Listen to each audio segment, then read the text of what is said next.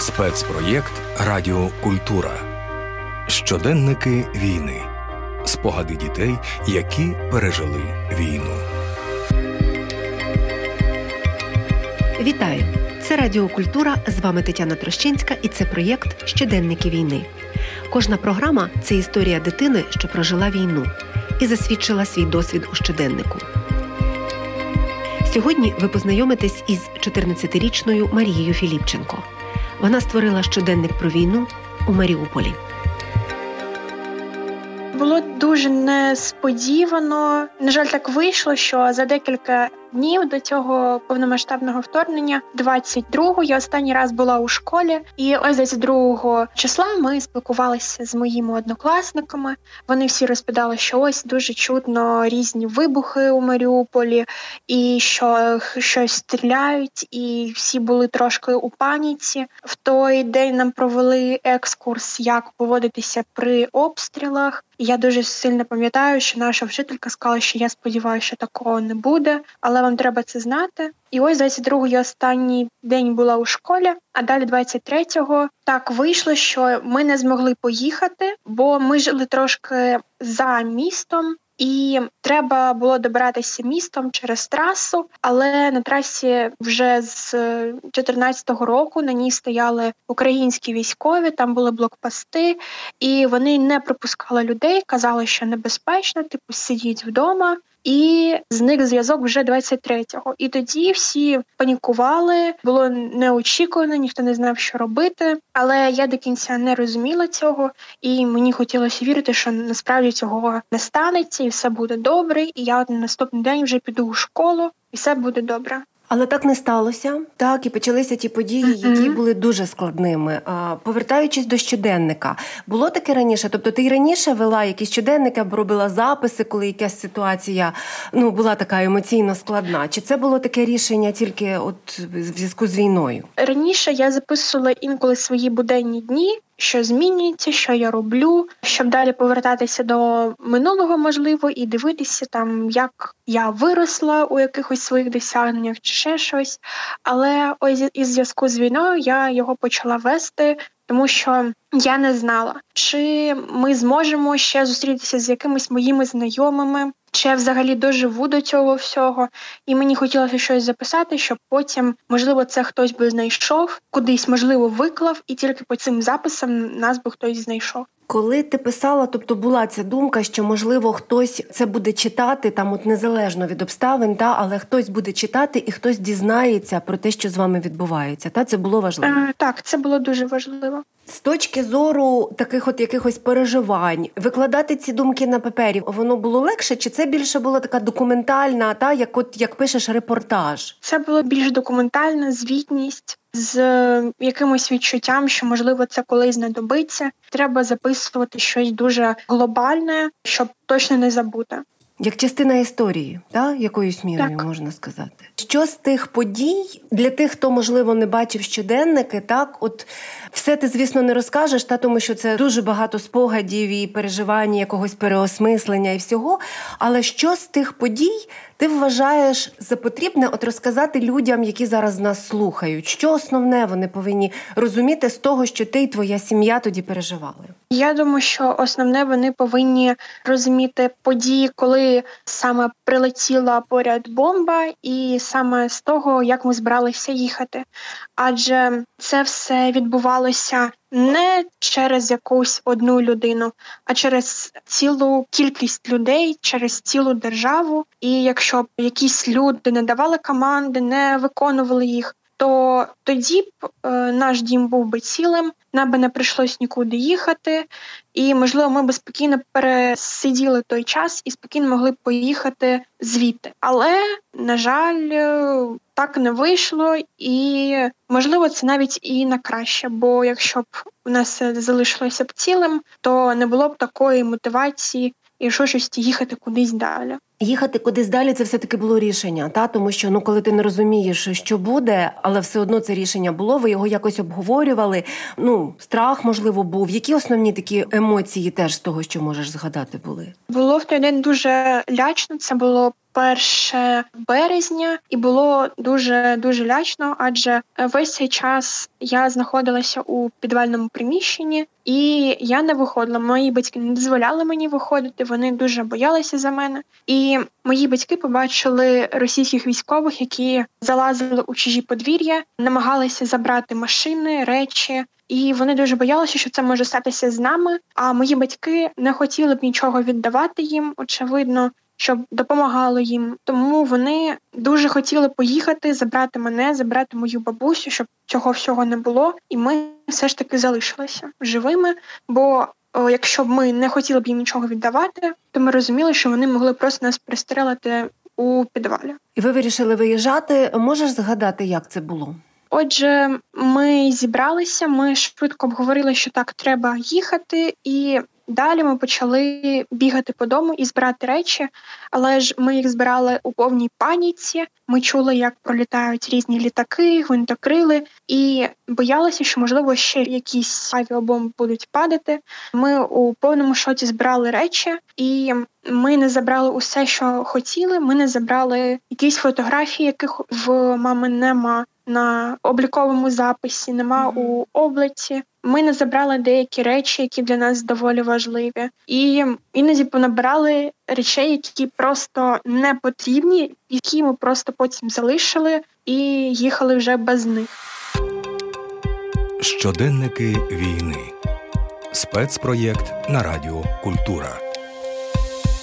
А з того, що важливе, щось можеш сказати? Звичайно, що ми говоримо на таку широку аудиторію. Це не те, що є дуже таке інтимне, але можливо з того, що інколи згадується, що добре, щоб воно було з вами. Що це? Добре, що воно було з нами. Фотографії ми не взяли, на жаль, і дуже сумно, що ми їх не взяли, бо в нас було купа фотоальбомів з різними спогадами, і мені дуже жаль, що ми тоді не зрозуміли що треба таке збирати. Мене забрали багато книжок, які були нам потрібні, які я дуже сильно любила. І, на жаль, мене забрали деякі речі з символікою, хоча намагалися забрати усе. І з того, що ми були раді забрати, це напевно були різні речі, завдяки яким мій батько зміг в процесі полагодити автомобіль. Адже так вийшло, що ми, коли виїжджали, то натрапили на різні уламки, і порізали шину, через що ми не могли їхати. І в той момент ми стояли біля розбитої техніки. І біля нас бігли російські військові, які не хотіли, щоб ми залишалися, не хотіли, щоб ми вмикали фари, і дуже було лячно, адже не знаю, що вони захочуть зробити далі з вами. Це такий важкий страшний момент, та але потім все таки пропустили вас, та я так розумію. Так, вони дали нам полагодити колеса, просили якусь воду, сигарети, їжу, заспокійливі, бо в них цього цього не було. Вони нас припустили, щоб ми не залишалися, можливо, не здавали позиції, не наводили якось вогонь. І далі ми поїхали у вже підконтрольні території. Коли вже ви між собою отак зрозуміли, вже таке було відчуття, що ви вирвалися з цього, зітхнули та з полегшенням, що вирвались. Напевно, тільки коли ми приїхали у Дніпро, адже наш шлях він був від містечка трошки за містом за Маріуполем, потім через Маріуполь до нині окупованого селища, де нас просто приютили знайомі знайомих. І це було дуже приємно. А далі ми поїхали у Дніпро, адже там був мій хрещений, і там нам дали прихисток знайомі. Ми змогли зрозуміти, що все ми доїхали. Ми у безпеці тільки там, і напевно навіть не у перший день бо це був просто шок. Поки ми їхали, у моєї мами тряслися сильно руки.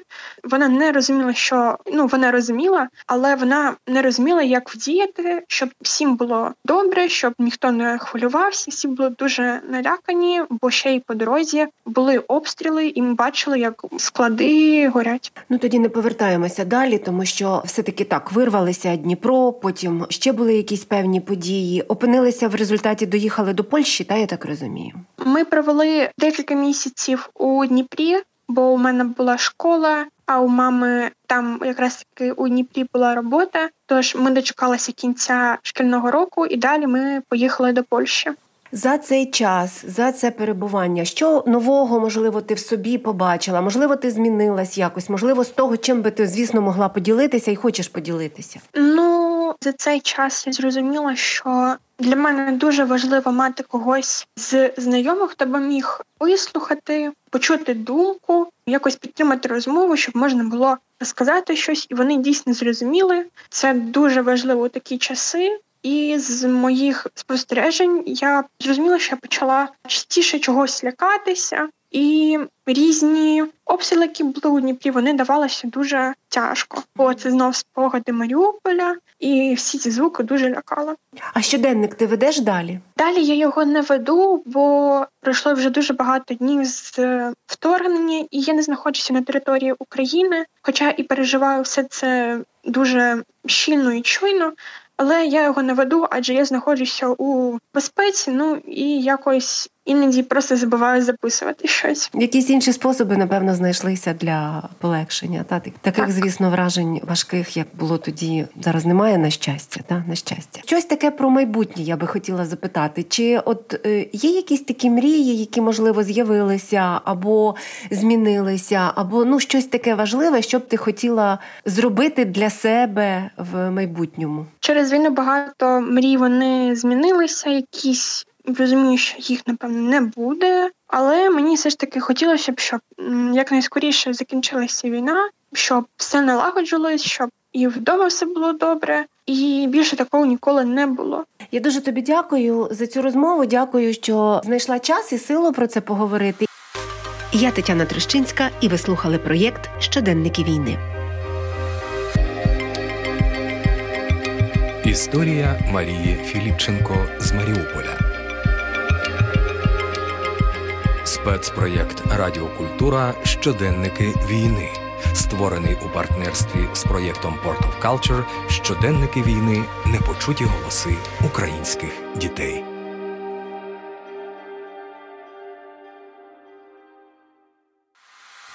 Спецпроєкт Радіокультура Щоденники війни. Спогади дітей, які пережили війну. Вітаю! Це Радіокультура. З вами Тетяна Трощинська і це проєкт Щоденники війни. Кожна програма це історія дитини, що прожила війну, і засвідчила свій досвід у щоденнику.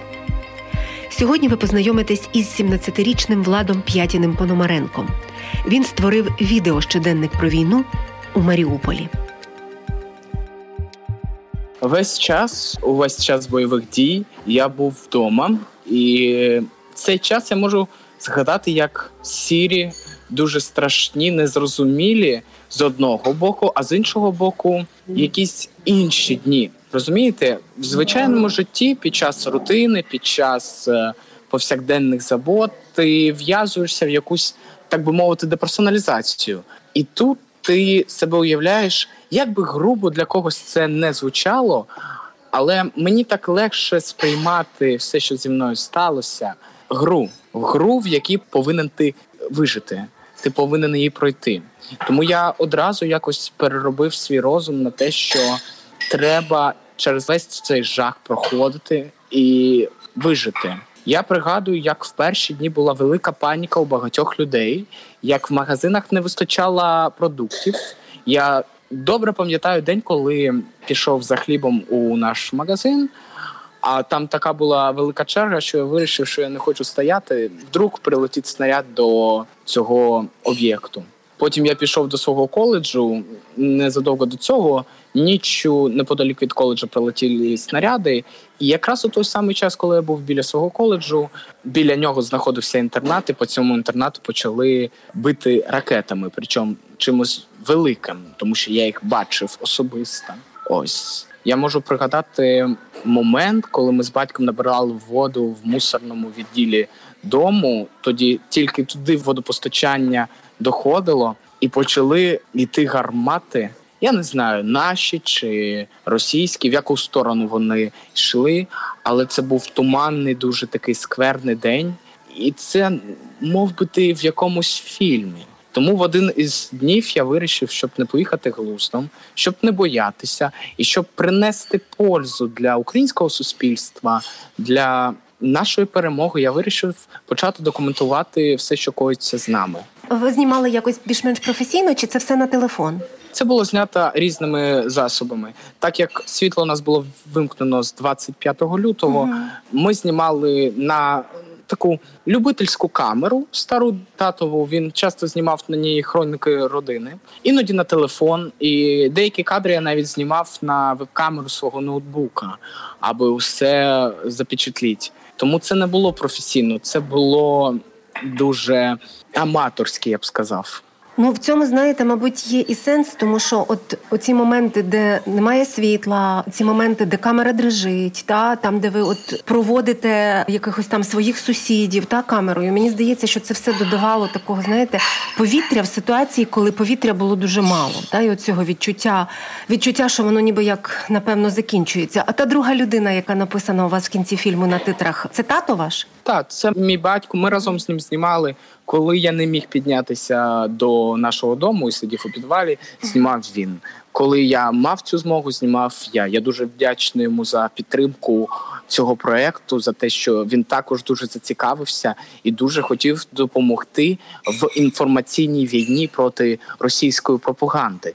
І я дуже вдячний, що ви зазначили те, що ось якраз оце повітря в фільмі, тому що я уявляв одразу, що я не хочу робити прям стандартну документалістику, бо стандартний фільм. Я хотів, щоб через ці кадри люди, хоч якось, змогли відчути усе, що коїлось з нами в Маріуполі. Ви на самому початку фільму згадуєте Анну Франк. Ви читали до цього її щоденники, чи потім уже ну тобто були знайомі з тим, що вона писала? І з оцею взагалі з історією Анни Франк. Я дуже люблю історію, і я дуже люблю читати різну інформацію, різні твори, різні щоденники. Сказати, що я прям був ознайомлений на 100%, я не можу сказати, але я чув про цей твір, цей щоденник, і е, декілька цитат з нього бачив. А чому Imagine? Imagine, а ось це такий невеличкий секрет е, фільму, який я зараз скажу. Ось час під час війни так. Єдине, що допомагало не падати духом, це музика. Я дуже люблю музику, і музика завжди вона надає тобі крил. І одна з найважливіших пісень в моєму житті, яку я чув з колискової, яку я чув, коли йшов в школу, і яка, ну як би це гучно не звучало, але яка врятувала мене і мою психіку. Це пісня Джона Леннона «Imagine». Тому я вирішив, що ця пісня буде заглавною, і вона буде на початку. І також, так як я хотів показати в фільмі почуття, хотів, щоб люди уявили те, що коїться. Тому і називається «Imagine» – уявити. А от ця, що в кінці вербова дощечка, так я так розумію, що це вже квітень, так коли багато руїн, коли от уже пройшло там трохи більше місяця, так і воно просто на очах перетворювалось ваше місто на руїни. Чого там вербова дощечка і чого це саме виконання? Це теж ви підбирали? Так, абсолютно всю музику підбирав я. І зараз, ось якраз в серпні, коли я буду показувати цей фільм Навар Єріс в Амстердамі, я його зараз перероблюю і навіть більше додаю пісень Дахи Брахи.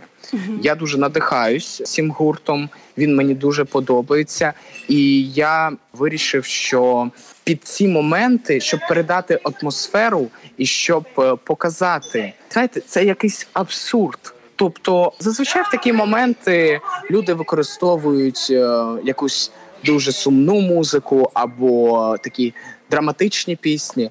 А тут такий з одного боку народна, сучасна народна музика, яка повинна була додати якихось ноток в ті відчуття, що показують кадри мого фільму. Я б ще хотіла, щоб ми трошечки повернулися до самих подій, тому що от у цих перші кадри та життя до 24 лютого. А можете описати ну коротко, яким за вашим відчуттям було місто Маріуполь, і були от ви в ньому та до цієї дати? Це буде складно, тому що я дуже змінив свою думку про моє місто саме після того, як я виїхав до Європи. Скажу чесно, я завжди вважав, що тут набагато краще набагато неймовірніше. Але згодом я і зараз я точно розумію, що наше місто було неймовірним, дуже комфортним. Там можна було робити все, що завгодно. Дійсно, місто для митців, місто для створіння чогось нового, чогось неймовірного, бути самим собою. Дуже зелене, дуже комфортне. І На перший погляд, для багатьох українців Маріуполь це якесь провінційне невелике містечко з заводами, але ні, це дійсно було місто з неймовірним вайбом, як кажуть на сучасній мові. І от було ну таке відчуття, що цей вайб в одну мить змінили. Так, в одну мить з такого. Ну, е, якщо сказати прям гучно хіпстерського міста, воно перетворилось на фортецю, на місто бійні і виживання, міста, в якому люди, знаєте, повзли до того, щоб вижити, до того, щоб залишитися людиною. А як би це грубо не звучало, а не просто звичайним м'ясом. Скільки днів загалом ви провели в блокаді? 75. Я бачив початок воєнних дій, я бачив неймовірні, неймовірні з точки зору колосальні. Я не міг уявити, що таке можливо. Ну багато хто не міг уявити війну в 21 столітті, а я не міг уявити, що тисячі тисячі ракет і бомб буде йти по нашим домам. Гармати, самольоти, корабельні гармати. Я не міг цього уявити. Це точно не можна було уявити, це ніхто не уявляв. І, наприклад, ви говорите, і я це. Я це уявляю, але я цього не переживала. Та у мене цього досвіду немає. І просто якісь кадри з вашого фільму зараз проходять, коли ви говорите в мене перед очима. І я чомусь згадала оцей момент, там, де оця картопелька, плаверний сирок і сало. І це було за тими відчуттями, що були тоді, і тим, що можна було дістати з їжі, умовно. Та це ще була і нормальна їжа. Це була єдина їжа. Їжі майже не було. Багато хто пішов мародерити магазини. Я не осуджую цих людей, тому що людям просто не було чого їсти. Магазини закриті. Що їм робити? У нас яка їжа залишалася, ото ми сиділи так з березня до середини квітня. Із сусідами От. і рідними. Та у вас була така велика група. Велика група, так. Батько, мати, братик, моя тьотя, дядя, і також е, дві сусідки з мого поверху. А ось наша бабуся весь цей час знаходилась в лікарні, тому що перед війною ми усією сім'єю захворіли на COVID-19 і, на жаль, бабусі не було змоги забрати з лікарні. Машина в іншому районі, ноги в неї не ходять. Батьки намагалися за будь-які гроші, щоб її привезли, але весь час війни вона перебувала в лікарні, і тільки під кінець вона змогла вибратися. І зараз все добре. Оцей момент, та от ви описуєте теж у фільмі, що снаряд влучив в дім, і ви змушені були переїхати в підвал. Та це десь в березні було. Це було 7 березня о 6 ранку, 5 хвилині. Я цей час на все життя запам'ятав. Саме що цікаве, це єдиний день, коли у четвертій ранку мені йшли в перегородку. В нашій гостині поклали матрас, накрили це диваном від окон, і там було таке безпечне місце. І це був єдиний день, коли не почали гучити гармати о четвертій ранку. Було тихо, і ми всі спали. І тоді снаряд влучив прямо в наш дім, в квартиру сусідки по тамбуру. І ви тоді переїхали в підвал і перебували уже от весь цей час у підвалі, так? Чи виходили час від часу? Ми жили в підвалі, і тільки іноді я і батько змогли виходити, щоб приготувати їжу. Можете згадати, про що говорили взагалі? Чи були якісь розмови, чи були сили на якісь розмови, на що сподівались і так далі? Знаєте, я весь час, поки знаходився в підвалі, вивчав літературу. Чим поема там відрізняється від, е, наприклад, повісті, так? Перечитував багато авторів, і одна з таких книг, що займала час, що врятувала час, це книга Хіба ревуть воли, як ясла повні. Панас Мирний, так. Так, пана Смирний. Ви її читали якось так, ну, з душею, чи просто щоб хвилини йшли, Ні. йшли? З повною душею. Я знаєте, я занурювався в ту атмосферу, ніби я бачив це перед очима. Також я багато думав про життя, про сенс життя, що ми робимо на цій планеті. Тобто тут більше філософії пішло. Філософія, література. Ось теми, які піднімалися в підвалі. Ну також одна з болісних тем це політика, тому що багато сусідів, як виявилось, було проросійськими, і мене це дуже дратувало.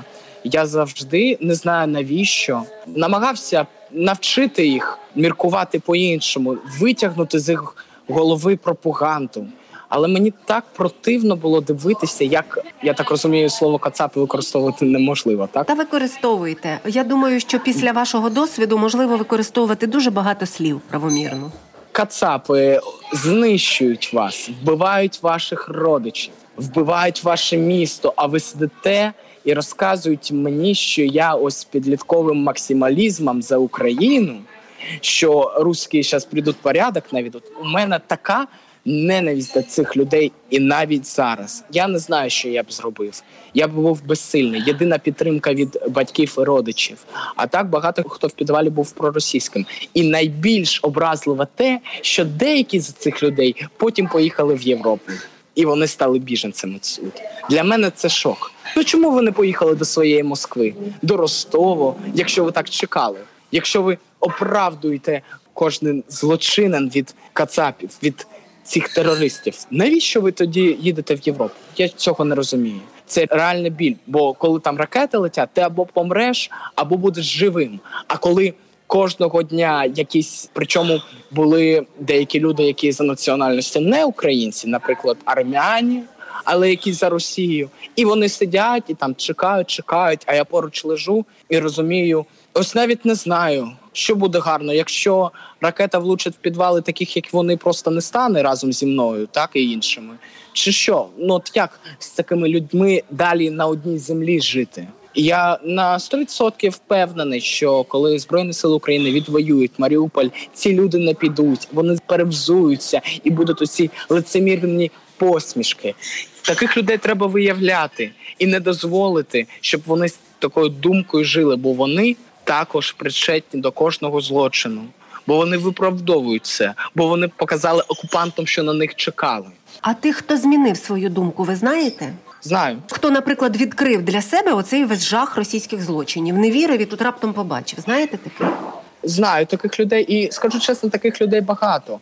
Тобто я не можу сказати, що все місто це місто колаборантів або проросійських. Ні, це неправда. Такі люди є, але їх небагато, як там говорять деякі змі. Вони є. Більшість людей вони або бояться, або нейтральні. А нейтральні через те, що знаєте, ну от уявити таку середню масу людей, не дуже освічені, звичайні там робітники. Вони не цікавляться політикою, вони просто живуть. І ось вони жили в Україні, і все для них окей. І коли починається війна, їхній мер тікає з міста і нічого не робить для людей. Слава ЗСУ і волонтерам і окремим депутатам, що вони допомагали. Але саме міська рада Маріуполя нічого не зробила. Я навіть пам'ятаю, як 26 лютого. Я кидав запрос на евакуацію на в Приморський район, у чому мені відмовили, бо всього було два автобуса. Два автобуси з одного з найбільших районів міста. Ви уявляєте? Uh-huh. Тому є такі люди, які дуже розчарувалися в міській власті, але вони занадто ну інфальтивні, щоб зрозуміти, що грехи Вадима Бойченка це не грехи нашої влади або наших збройних сил. Це грехи тільки однієї людини. Є такі люди, яких переламала сама ситуація. Є люди, яких переламали вже кацапи, коли прийшли і почали вчити. Це е, в основному підлітки, але також просто є люди, які бояться, які вже устали. У кожного своя боротьба. Я не можу їх зрозуміти, але і не можу осуджувати. Час і майбутнє покаже. Ви далі в фільмі розказуєте. От зараз ви згадали, та що десь 2 квітня там прийшли росіяни. Що тоді почалося? Фільтрація, роздягання чоловіків на вулиці, перевірки, постійні перевірки, бухі чеченці, бухі ДНРи. Знаєте, Донецькі дуже е, любили говорити, що ми, мол, 8 лет так мучились, покайтесь, поки ви тут жирували. Ось це я пам'ятаю. І коли вони дула наставляли, вимагали там документи, приписну, якої в мене просто не було. Це ось такий час. Я можу порівняти цей час 1986 з Орвелем. Не знаю чому, але от якось так я себе уявляв. Я тоді ходив в такій рубашці і в пальто, знаходив газети, щоб е, знаєте, я їх читав для того, щоб більше злитися на ту пропаганду.